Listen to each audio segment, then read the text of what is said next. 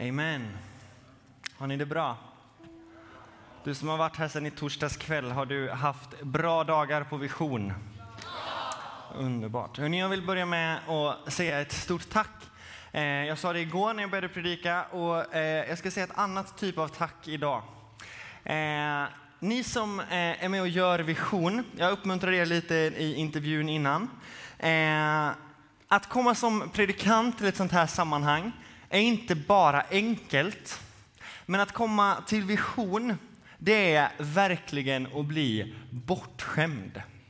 Så du som på ett eller annat sätt har varit med och gjort den här, du minsta lilla detalj, typ du, din fantastiska människa som sitter och tar bort klisterlappen på den här flaskan för att det ska se lite snyggare ut. Att det liksom står en clean flaska där och inte någon, ja vad det nu är för märke. Alltså det här stället är grymma.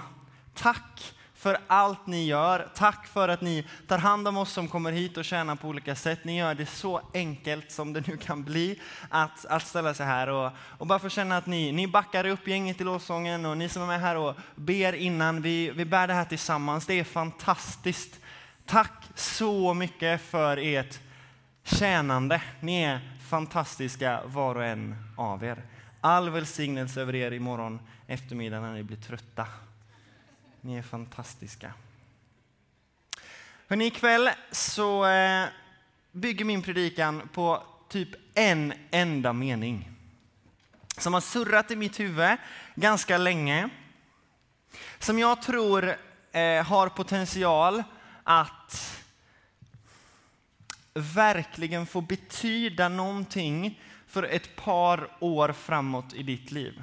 Om du är tonåring eh, så kommer jag rikta mig lite mer till dig. Om du inte är det så älskar jag att du är här ikväll. Bara så att du inte känner någonting annat. Och jag tror att det kan vara tänkvärt för dig med. Men om du är tonåring så skulle jag vilja utmana och uppmuntra dig att ta den här meningen som jag strax kommer att säga, som strax kommer komma upp på väggen, som motto för ditt liv de år du har kvar som tonåring. Om du är 17 så blir det två, eller? Jag är så sjukt dålig på matte så ni anar inte. Jag kan inte spela Yatzy utan en miniräknare. Där har ni nivån. Eh, om du är 13 så har du fler år kvar som tonåring helt enkelt. Ta den här meningen som ditt motto. Är ni med? Det är viktigare vem du är när ingen ser än den du är när alla tittar. Det är viktigare vem du är när ingen ser än den du är när alla tittar. Det här samhället, våran tidsanda, media, din tränare, ditt Instagramflöde, kanske dina vänner, kanske din mamma och pappa, kanske ja, vad som helst. Alla röster som, som talar till dig kommer fullständigt skrika motsatsen till dig. För våran tids mantra är att om du inte syns så finns du inte. Det är det du hör, det är det du blir matad med, det är det som alla kommer försöka få dig att tro på. Men jag tror att det är precis tvärtom. Den du är när ingen ser dig, när ingen applåderar dig, när ingen likar dina bilder, när ingen hurrar på dig, när ingen lägger märke till dig. Den personen du är då, den är långt mycket viktigare än den du är när alla tittar. I mitt fall, den personen som inte står här utan som är hemma när ingen ser, den personen är i mitt fall långt mycket viktigare än killen som står här ikväll. Den du och jag är när ingen annan ser, den är viktigare än den som vi är när alla tittar. Följ med mig till första Samuelsboken. Jakob Franklin, när han snackade i morse, så var han sådär snudd på, på den här storyn. Och vi ska faktiskt bara sådär snudda vid den ikväll också. Eh, vi ska ta med oss en vers, undervisningen, två sanningar från en vers i första Samuelsboken 16. Men för att vi ska förstå vad som händer så ska vi bara eh, ta lite bakgrund. Vid det här tillfället när vi kommer in så lever Guds folk i landet Israel, men det är bokstavligt talat kaos. Alla tänker bara på sig själva, så Gud inser att vi behöver en ledare. Det är ofta en väldigt bra lösning i situationer. Vi behöver en ledare. Gud vill avskilja en kung i Israel. Och han bestämmer sig för att det är en man som heter David.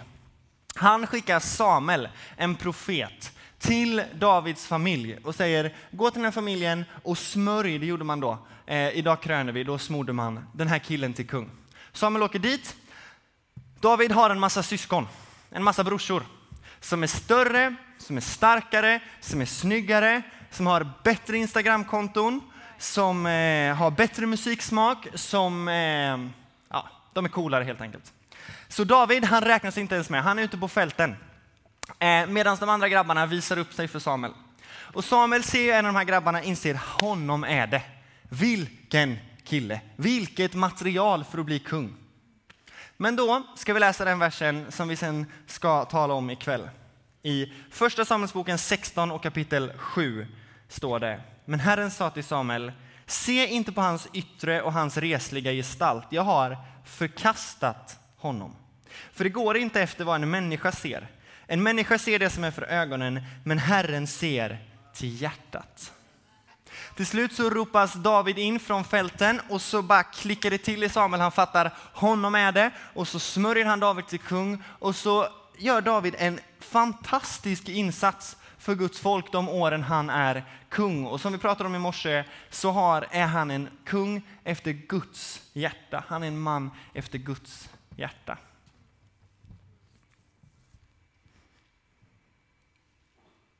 Min inledning om att den du är när ingen ser är viktigare än den du är när alla kollar.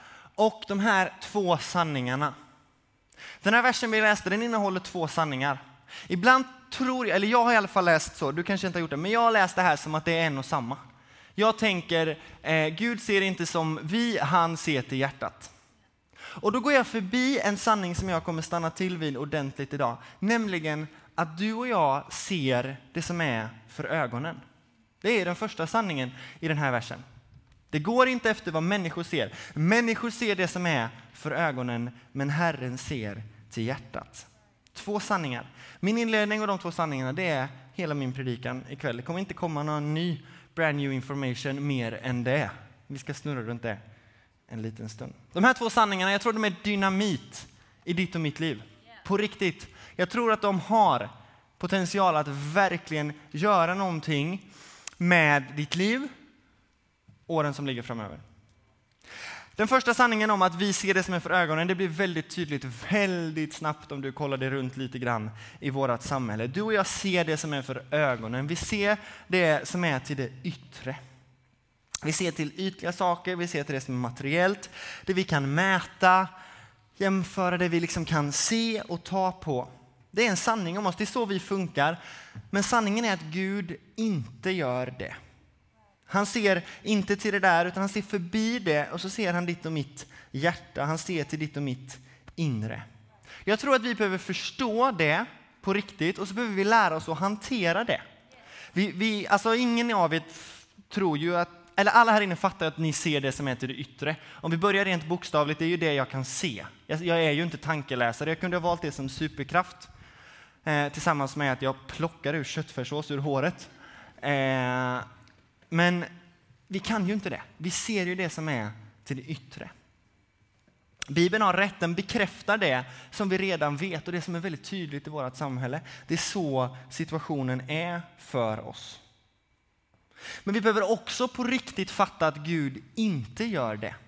För jag ska vara ärlig och säga, jag tror inte att alla här inne på riktigt har förstått det. Jag vet inte om jag på riktigt har förstått det heller.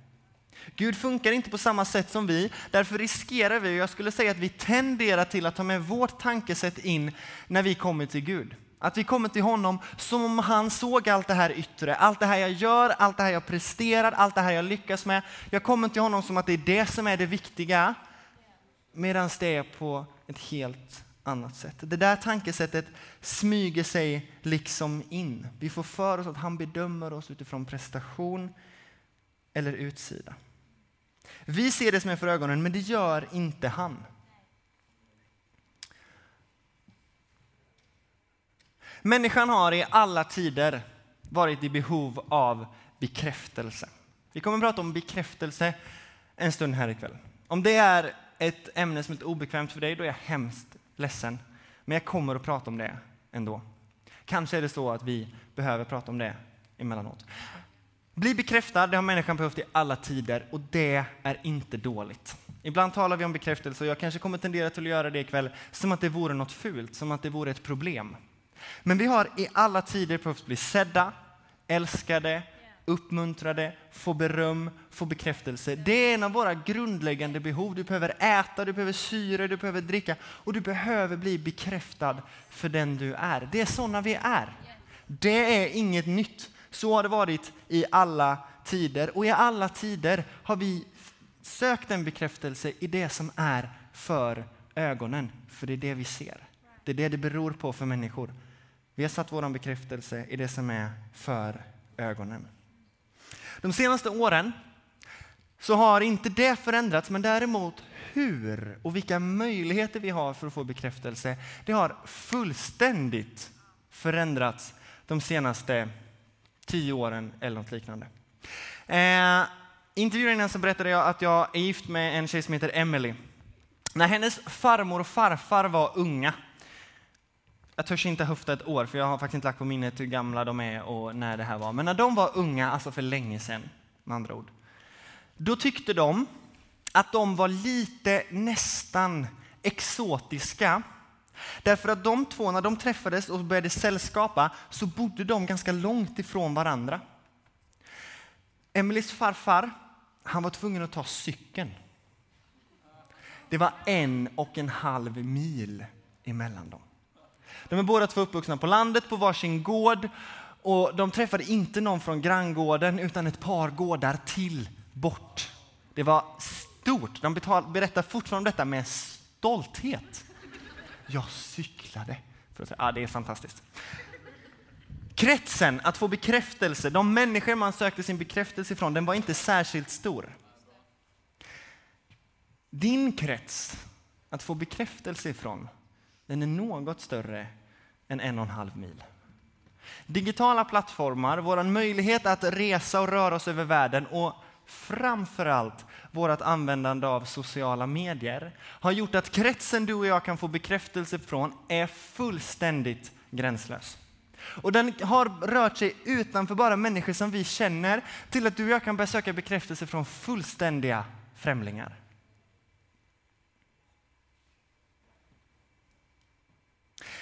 Det har gett oss tidigare fullständigt oanade möjligheter att tillgodose det där behovet vi alltid har haft. Att synas, höras, bli bekräftade, få bekräftelse.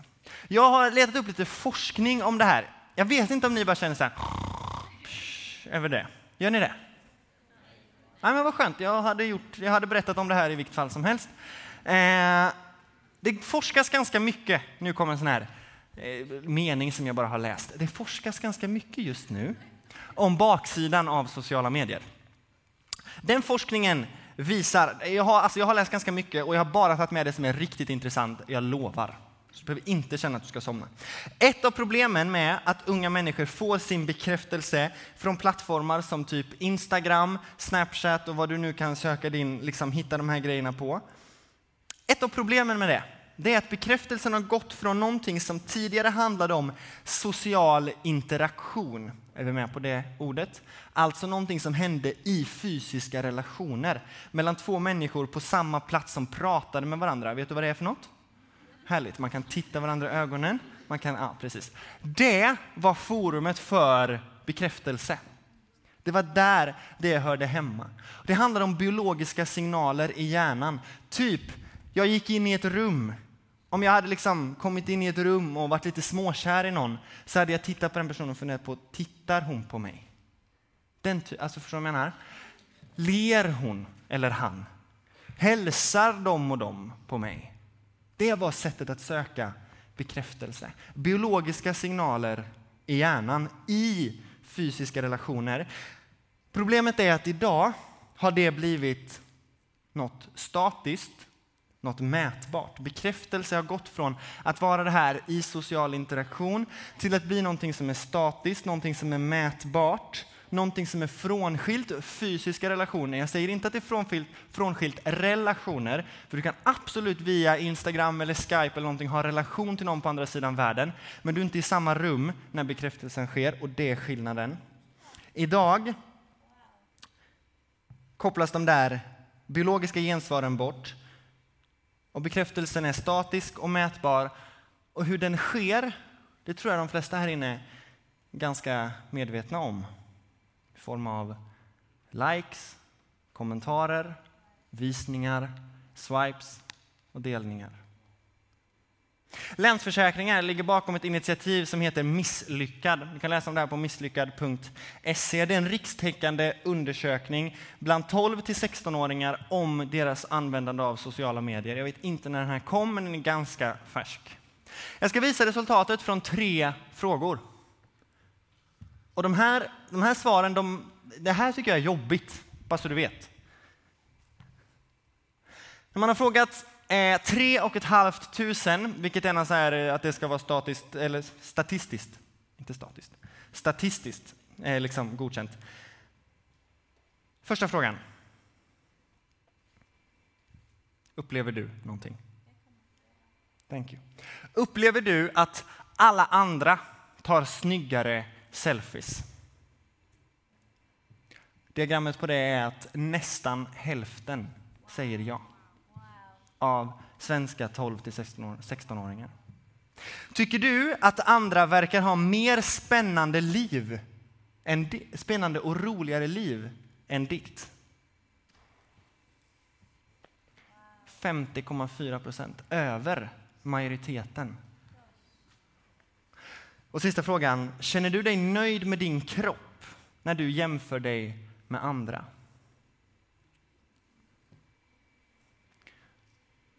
49,5 procent säger nej. Jag känner mig inte nöjd med min kropp när jag jämför mig med andra. Det är en väldigt stor fråga i samhällsdebatten. Vad, vad beror det här på? Varför ser det ut så här? Vad är det som har hänt? Jag tror att Bibeln berättade för oss för länge sedan vad som har hänt. Nämligen, du och jag ser det som är för ögonen. Du och jag söker vår bekräftelse i det som är ytligt, i det som är materiellt, i det vi kan se, mäta, jämföra och ta på. Det har Bibeln talat om sedan David blev kung i Israel. Det här är inget nytt, men det har eskalerat på grund av de digitala möjligheter vi har. Pratar jag om att sociala medier är dåligt? Nej, absolut inte. Ta mig inte så. Jag vill inte 50 år tillbaka i tiden. Det är inte det jag säger. Och Det handlar inte om att det här är någonting som pang har hänt nu i den här generationen, utan det har alltid varit så. Men du och jag har fått helt andra möjligheter och verktyg för detta. Du och jag ser det som är ytligt, det som går att jämföra, det som är mätbart. Och det är inget konstigt att vi funkar så. Du vet, när, när jag läser de här svaren på de här frågorna, då känner jag att om jag hade fått frågorna, jag skulle förmodligen också varit i de kategorierna av att ja och nej beroende, alltså du vet de där värsta svaren. Jag hade förmodligen också varit där. Jag står inte här och pratar om någonting som bara är jobbigt för er. Det här är en utmaning i mitt liv med. Jag har haft tillfällen när jag har kastat min telefon ifrån mig för att jag känner jag, jag, blir, jag får dåligt självförtroende av att titta på det här. Och så jag, jag har inte slängt den i väggen, men jag har kastat den ifrån mig ett par gånger för bara, det här går ju inte. Alltså du vet det här, vi sitter i samma båt allihop. All right? Men jag tror inte att du och jag behöver leva under den här pressen. För min vän, sanningen om ditt liv, det är att det viktigaste om dig är inte hur du ser ut, vilka du hänger med, dina betyg, din förmåga, ditt Instagramflöde eller någonting annat. Allt det där som vi ser, allt det där som vi sätter vårt värde till, allt det där som vi jämför varandra med, det är inte sanningen om ditt och mitt liv. För från det bibelord som vi pratar om ikväll så finns det en sanning till och det är att Gud, han ser till ditt och mitt hjärta. Han ser till ditt och mitt innersta. Han ser till det som du bär på inuti, det du inte kan lägga ut på Instagram, det som inte går att mäta i likes, det som inte går att mäta i kommentarer, utan det är någonting annat. Och där i, min vän, sitter ditt och mitt värde. Inte i allt det där som vi ser. Herren ser förbi utsidan, han ser förbi det mätbara. Det där som vi koncentrerar oss på, det lägger han ingen vikt vid. Alltså, det där som du jämför dig med, det där som du gör att du också hänger på i den där svaret med nej, att du inte är nöjd eller att du upplever att alla andra är så mycket bättre. Du och jag sätter enorm vikt vid det, men det gör inte Gud. När han ser på dig så ser han inte det där som du tittar på. När han ser på dig så ser han inte det där som du kämpar med. När han tittar på dig så ser han dig inifrån och ut. Han har skapat dig från insidan och ut. Och han har skapat dig med ett oslagbart värde. Han har skapat dig med ett syfte, han har skapat dig med en mening, han har skapat dig med en tanke, det finns en plan för ditt liv. Han har skapat dig, han har format dig. Bibeln säger på flera ställen att han har format dig och mig långt innan vi föddes. Han har full koll på det där temat som Hope skulle ha. Han känner dig, han kände dig långt innan du blev född, långt innan du hade någonting att lägga ut på Instagram, långt innan du hade någonting att jämföra dig med med någon annan, långt innan någon annan hade någonting att jämföra dig med, så hade han skapat dig med ett oslagbart värde. Det min vän, det är det viktigaste i ditt liv. Det är vad ditt värde sitter i. Ja, det är faktiskt värt ett amen. Vi behöver gång på gång påminna oss om att även om jag ser det som är för ögonen och kanske stundtals nästan sitter fast i de här issuesen så gör inte Gud det. Han ser inte som du och jag ser. Problemet är att vi tar våra tankesätt med oss när vi kommer till Gud. Medan han, eh, eller medan jag menar jag, medan jag är fullt upptagen med att visa upp för Gud allt vad jag har presterat den senaste tiden. Medan jag är fullt upptagen med att berätta för Gud om allting som jag har planerat att lyckas med framöver. Medan jag berättar för Gud om allt det som, jag, som är till det yttre så står en tålmodigt och älskande Gud och bara väntar på att få umgås. Bara väntar på att få ha med mitt hjärta att göra. Att jag ska bli klar med allt det där som jag har sådana behov av att visa upp. Att jag ska bli klar med allt det där som jag känner någon form av behov av att berätta om. Så att mitt hjärta blir, kommer i fokus.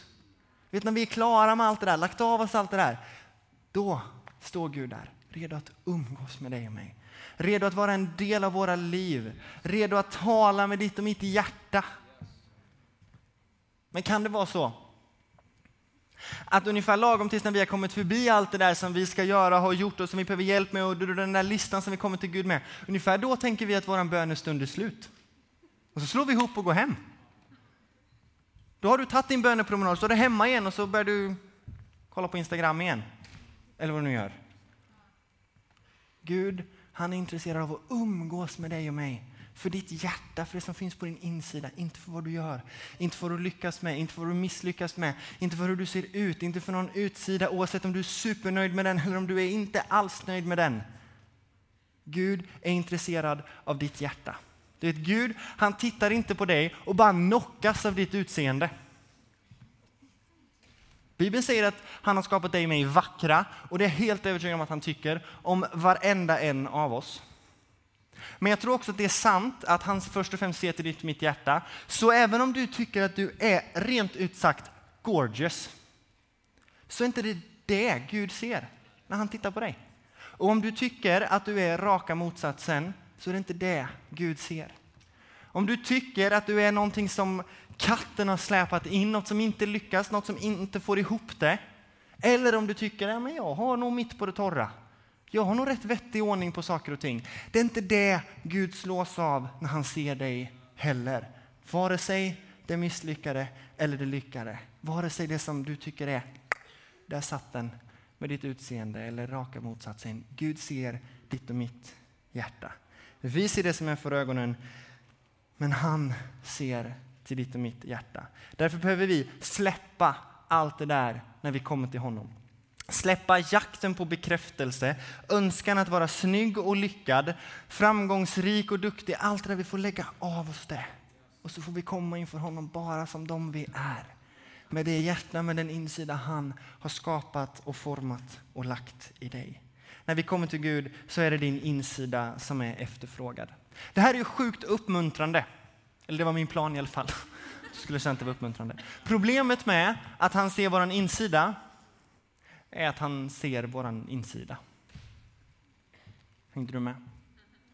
Problemet med att han är mer intresserad av din insida än din utsida är att han ser din insida. Han ser rakt igenom dig och mig.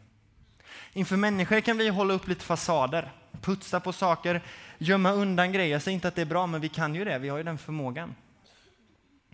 För Gud kan vi inte göra det. Han ser rakt in. Om Gud främst ser till vår insida, om han framförallt ser det som ingen människa ser, då är det viktigare vem du är när ingen ser än den du är när alla tittar. Så min vän, frågan ikväll är, vem är det? När ingen ser, vem är du då? Vad händer där? Det är en tuff fråga. Det är en tuff fråga för mig. Jag tror att det är en tuff fråga för dig. Tuff fråga när du är tonåring, tuff fråga när du är vuxen, tuff fråga när du är gammal. Det är min gissning i alla fall. Att det här är någonting vi får jobba med och som jag tror är vettigt att plocka fram lite då och då i livet. Jag kommer dra över några minuter, men jag ska göra det ändå. Tre goda råd till dig i den här frågan om vem är du när ingen ser.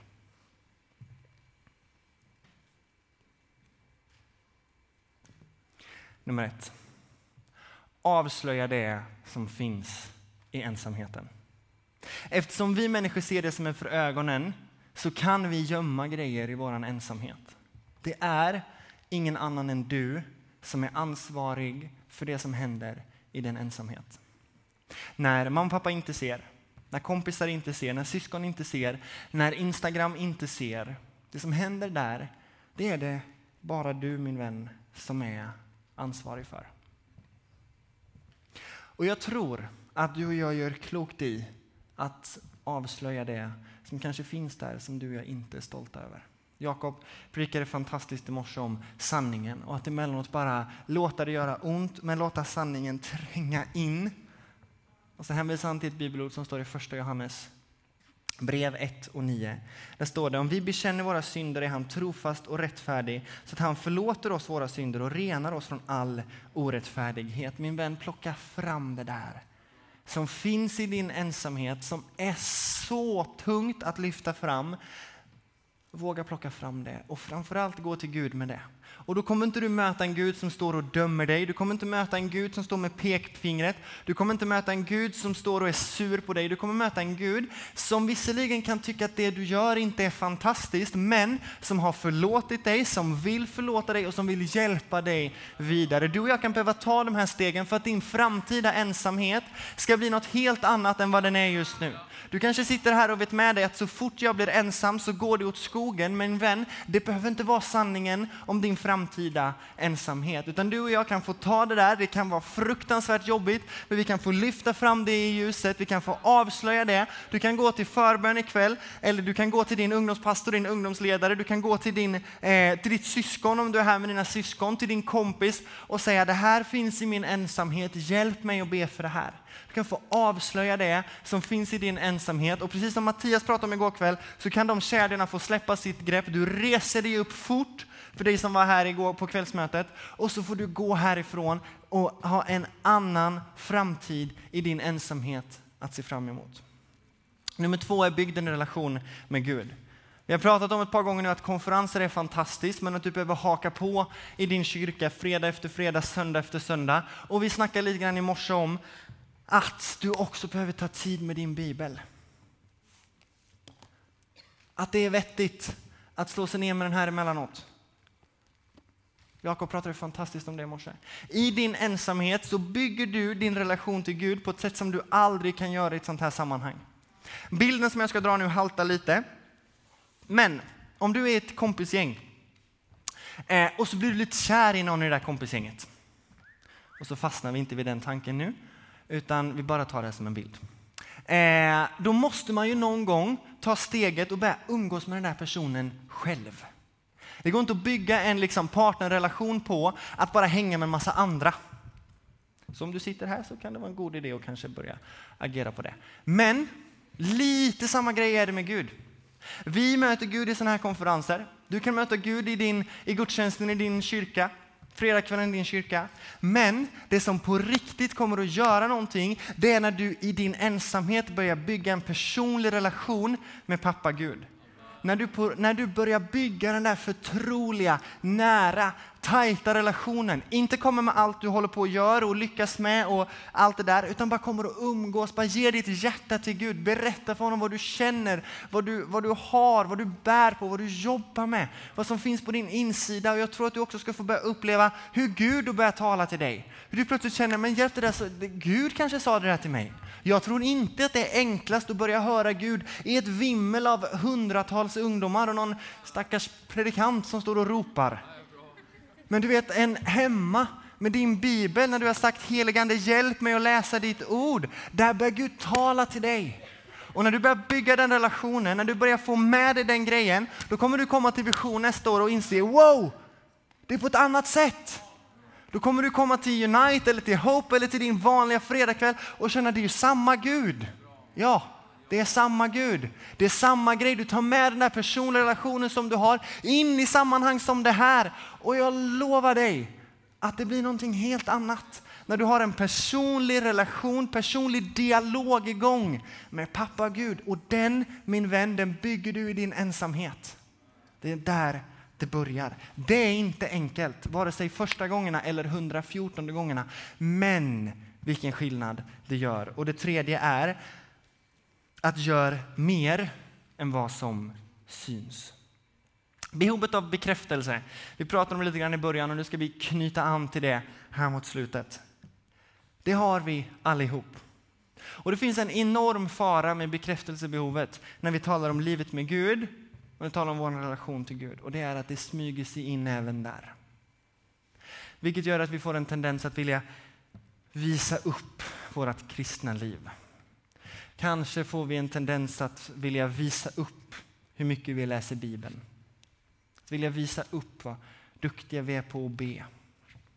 Att kanske vilja visa upp hur, hur duktiga vi är på saker och ting. Det finns enorm risk att fel fokus i livet med Gud smyger sig in på grund av detta förrädiska bekräftelsebehov. Scenen, plattformen i din kyrka eller i de sammanhang du är kan få en sjuklig lockelse på grund av detta. Jag kan tala om att det är någonting för varenda som står här och jobbar med. Därför tror jag att i vår ensamhet är det en god idé att jobba med att avliva det där. Genom att hålla koll på att också göra det som inte syns. Det är inget fel på att göra sånt som syns. Det är inget fel på att predika till exempel. Så länge vi är noga med att det viktiga inte är att synas. Därför, var inte med bara när det syns. Var inte med bara när människor applåderar. Var inte med bara när du får cred för det. Det är ingen dum idé att gå till kyrkan ibland när det är tråkigt. Det är ingen dum idé ibland att rycka en sopkvast i kyrkan och göra det som ingen någonsin kommer veta eller uppmuntra dig för. Det är ingen dum idé att ta i lite extra i kollekten ibland utan att en kotte vet om det. Det är ingen dum idé att dyka upp också när ingen kommer ge dig cred för det. Uppmuntra någon i all hemlighet. Köp en Aladdin-ask i jul, slå in den i ett guldpapper, skriv något fint, lämna den på någons trappa, plinga och kuta därifrån. Och berätta aldrig någonsin att det var du. Det låter superlöjligt, men oj vad det hjälper dig och mig att hålla ordning på att det är viktigare det jag gör än att det jag gör syns. Det spelar ingen roll vem som sopade scenen. Det viktiga är att det gjordes. Sen kan vi uppmuntra den som gör det. Det är inte det jag säger. Men det handlar inte om att bara dyka upp när det syns, när det hörs, när du får applåder, när du får likes, när du får kommentarer. Hjälp till, ställ upp och lägg för allt i världen inte ute på Instagram. Alltså var med, gör en insats och det ska inte ut någonstans. För det är inte det det handlar om. Det handlar om att du är med också när det inte syns. Det hjälper oss att hålla koll på vårt fokus. Det är viktigare vem du är när ingen ser än den du är när alla tittar. Som människor ser vi det som är för ögonen. Det jag gör nu kallas för summering. Vi sätter värde till det som är för ögonen. Därför är vi mästare på att mäta och jämföra. När vi kommer till Gud funkar det på ett helt annat sätt. Därför är det viktigare vem du är när ingen ser än den du är när alla tittar. Jag tror att jag har sagt det tillräckligt många gånger nu. För du ska somna med den meningen i huvudet och det var liksom min poäng. Våran tid kommer alltid att säga motsatsen till dig.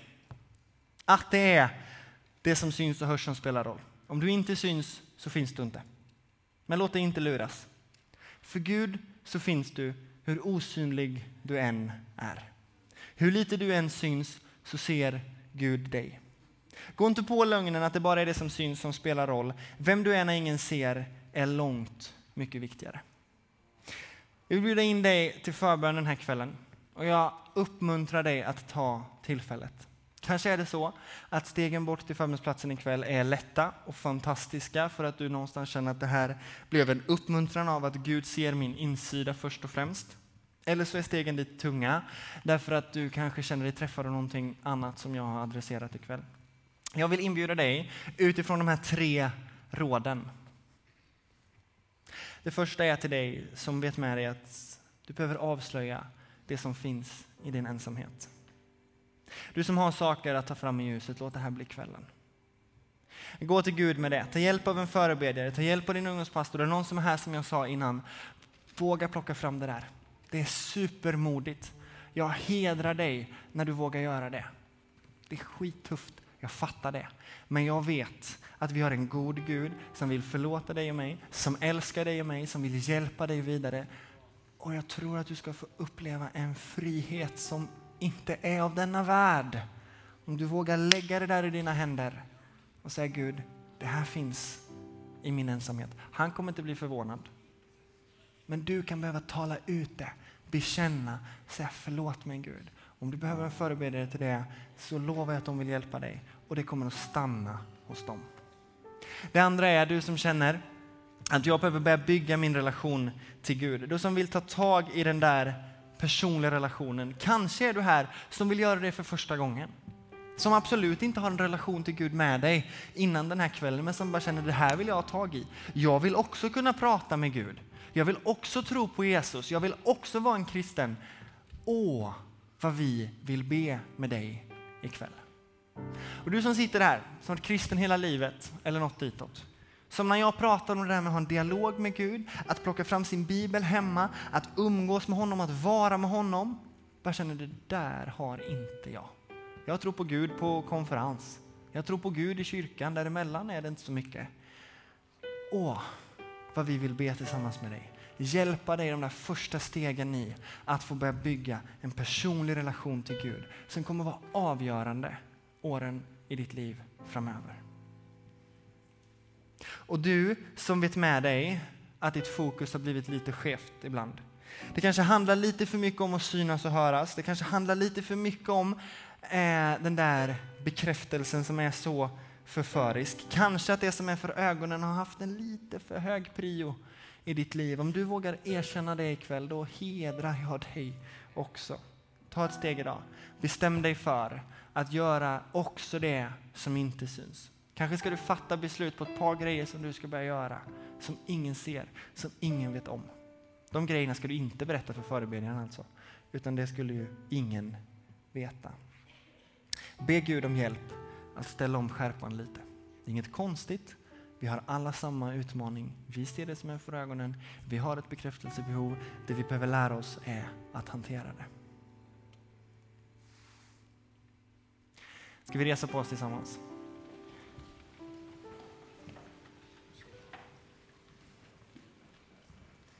Så vill jag be en bön.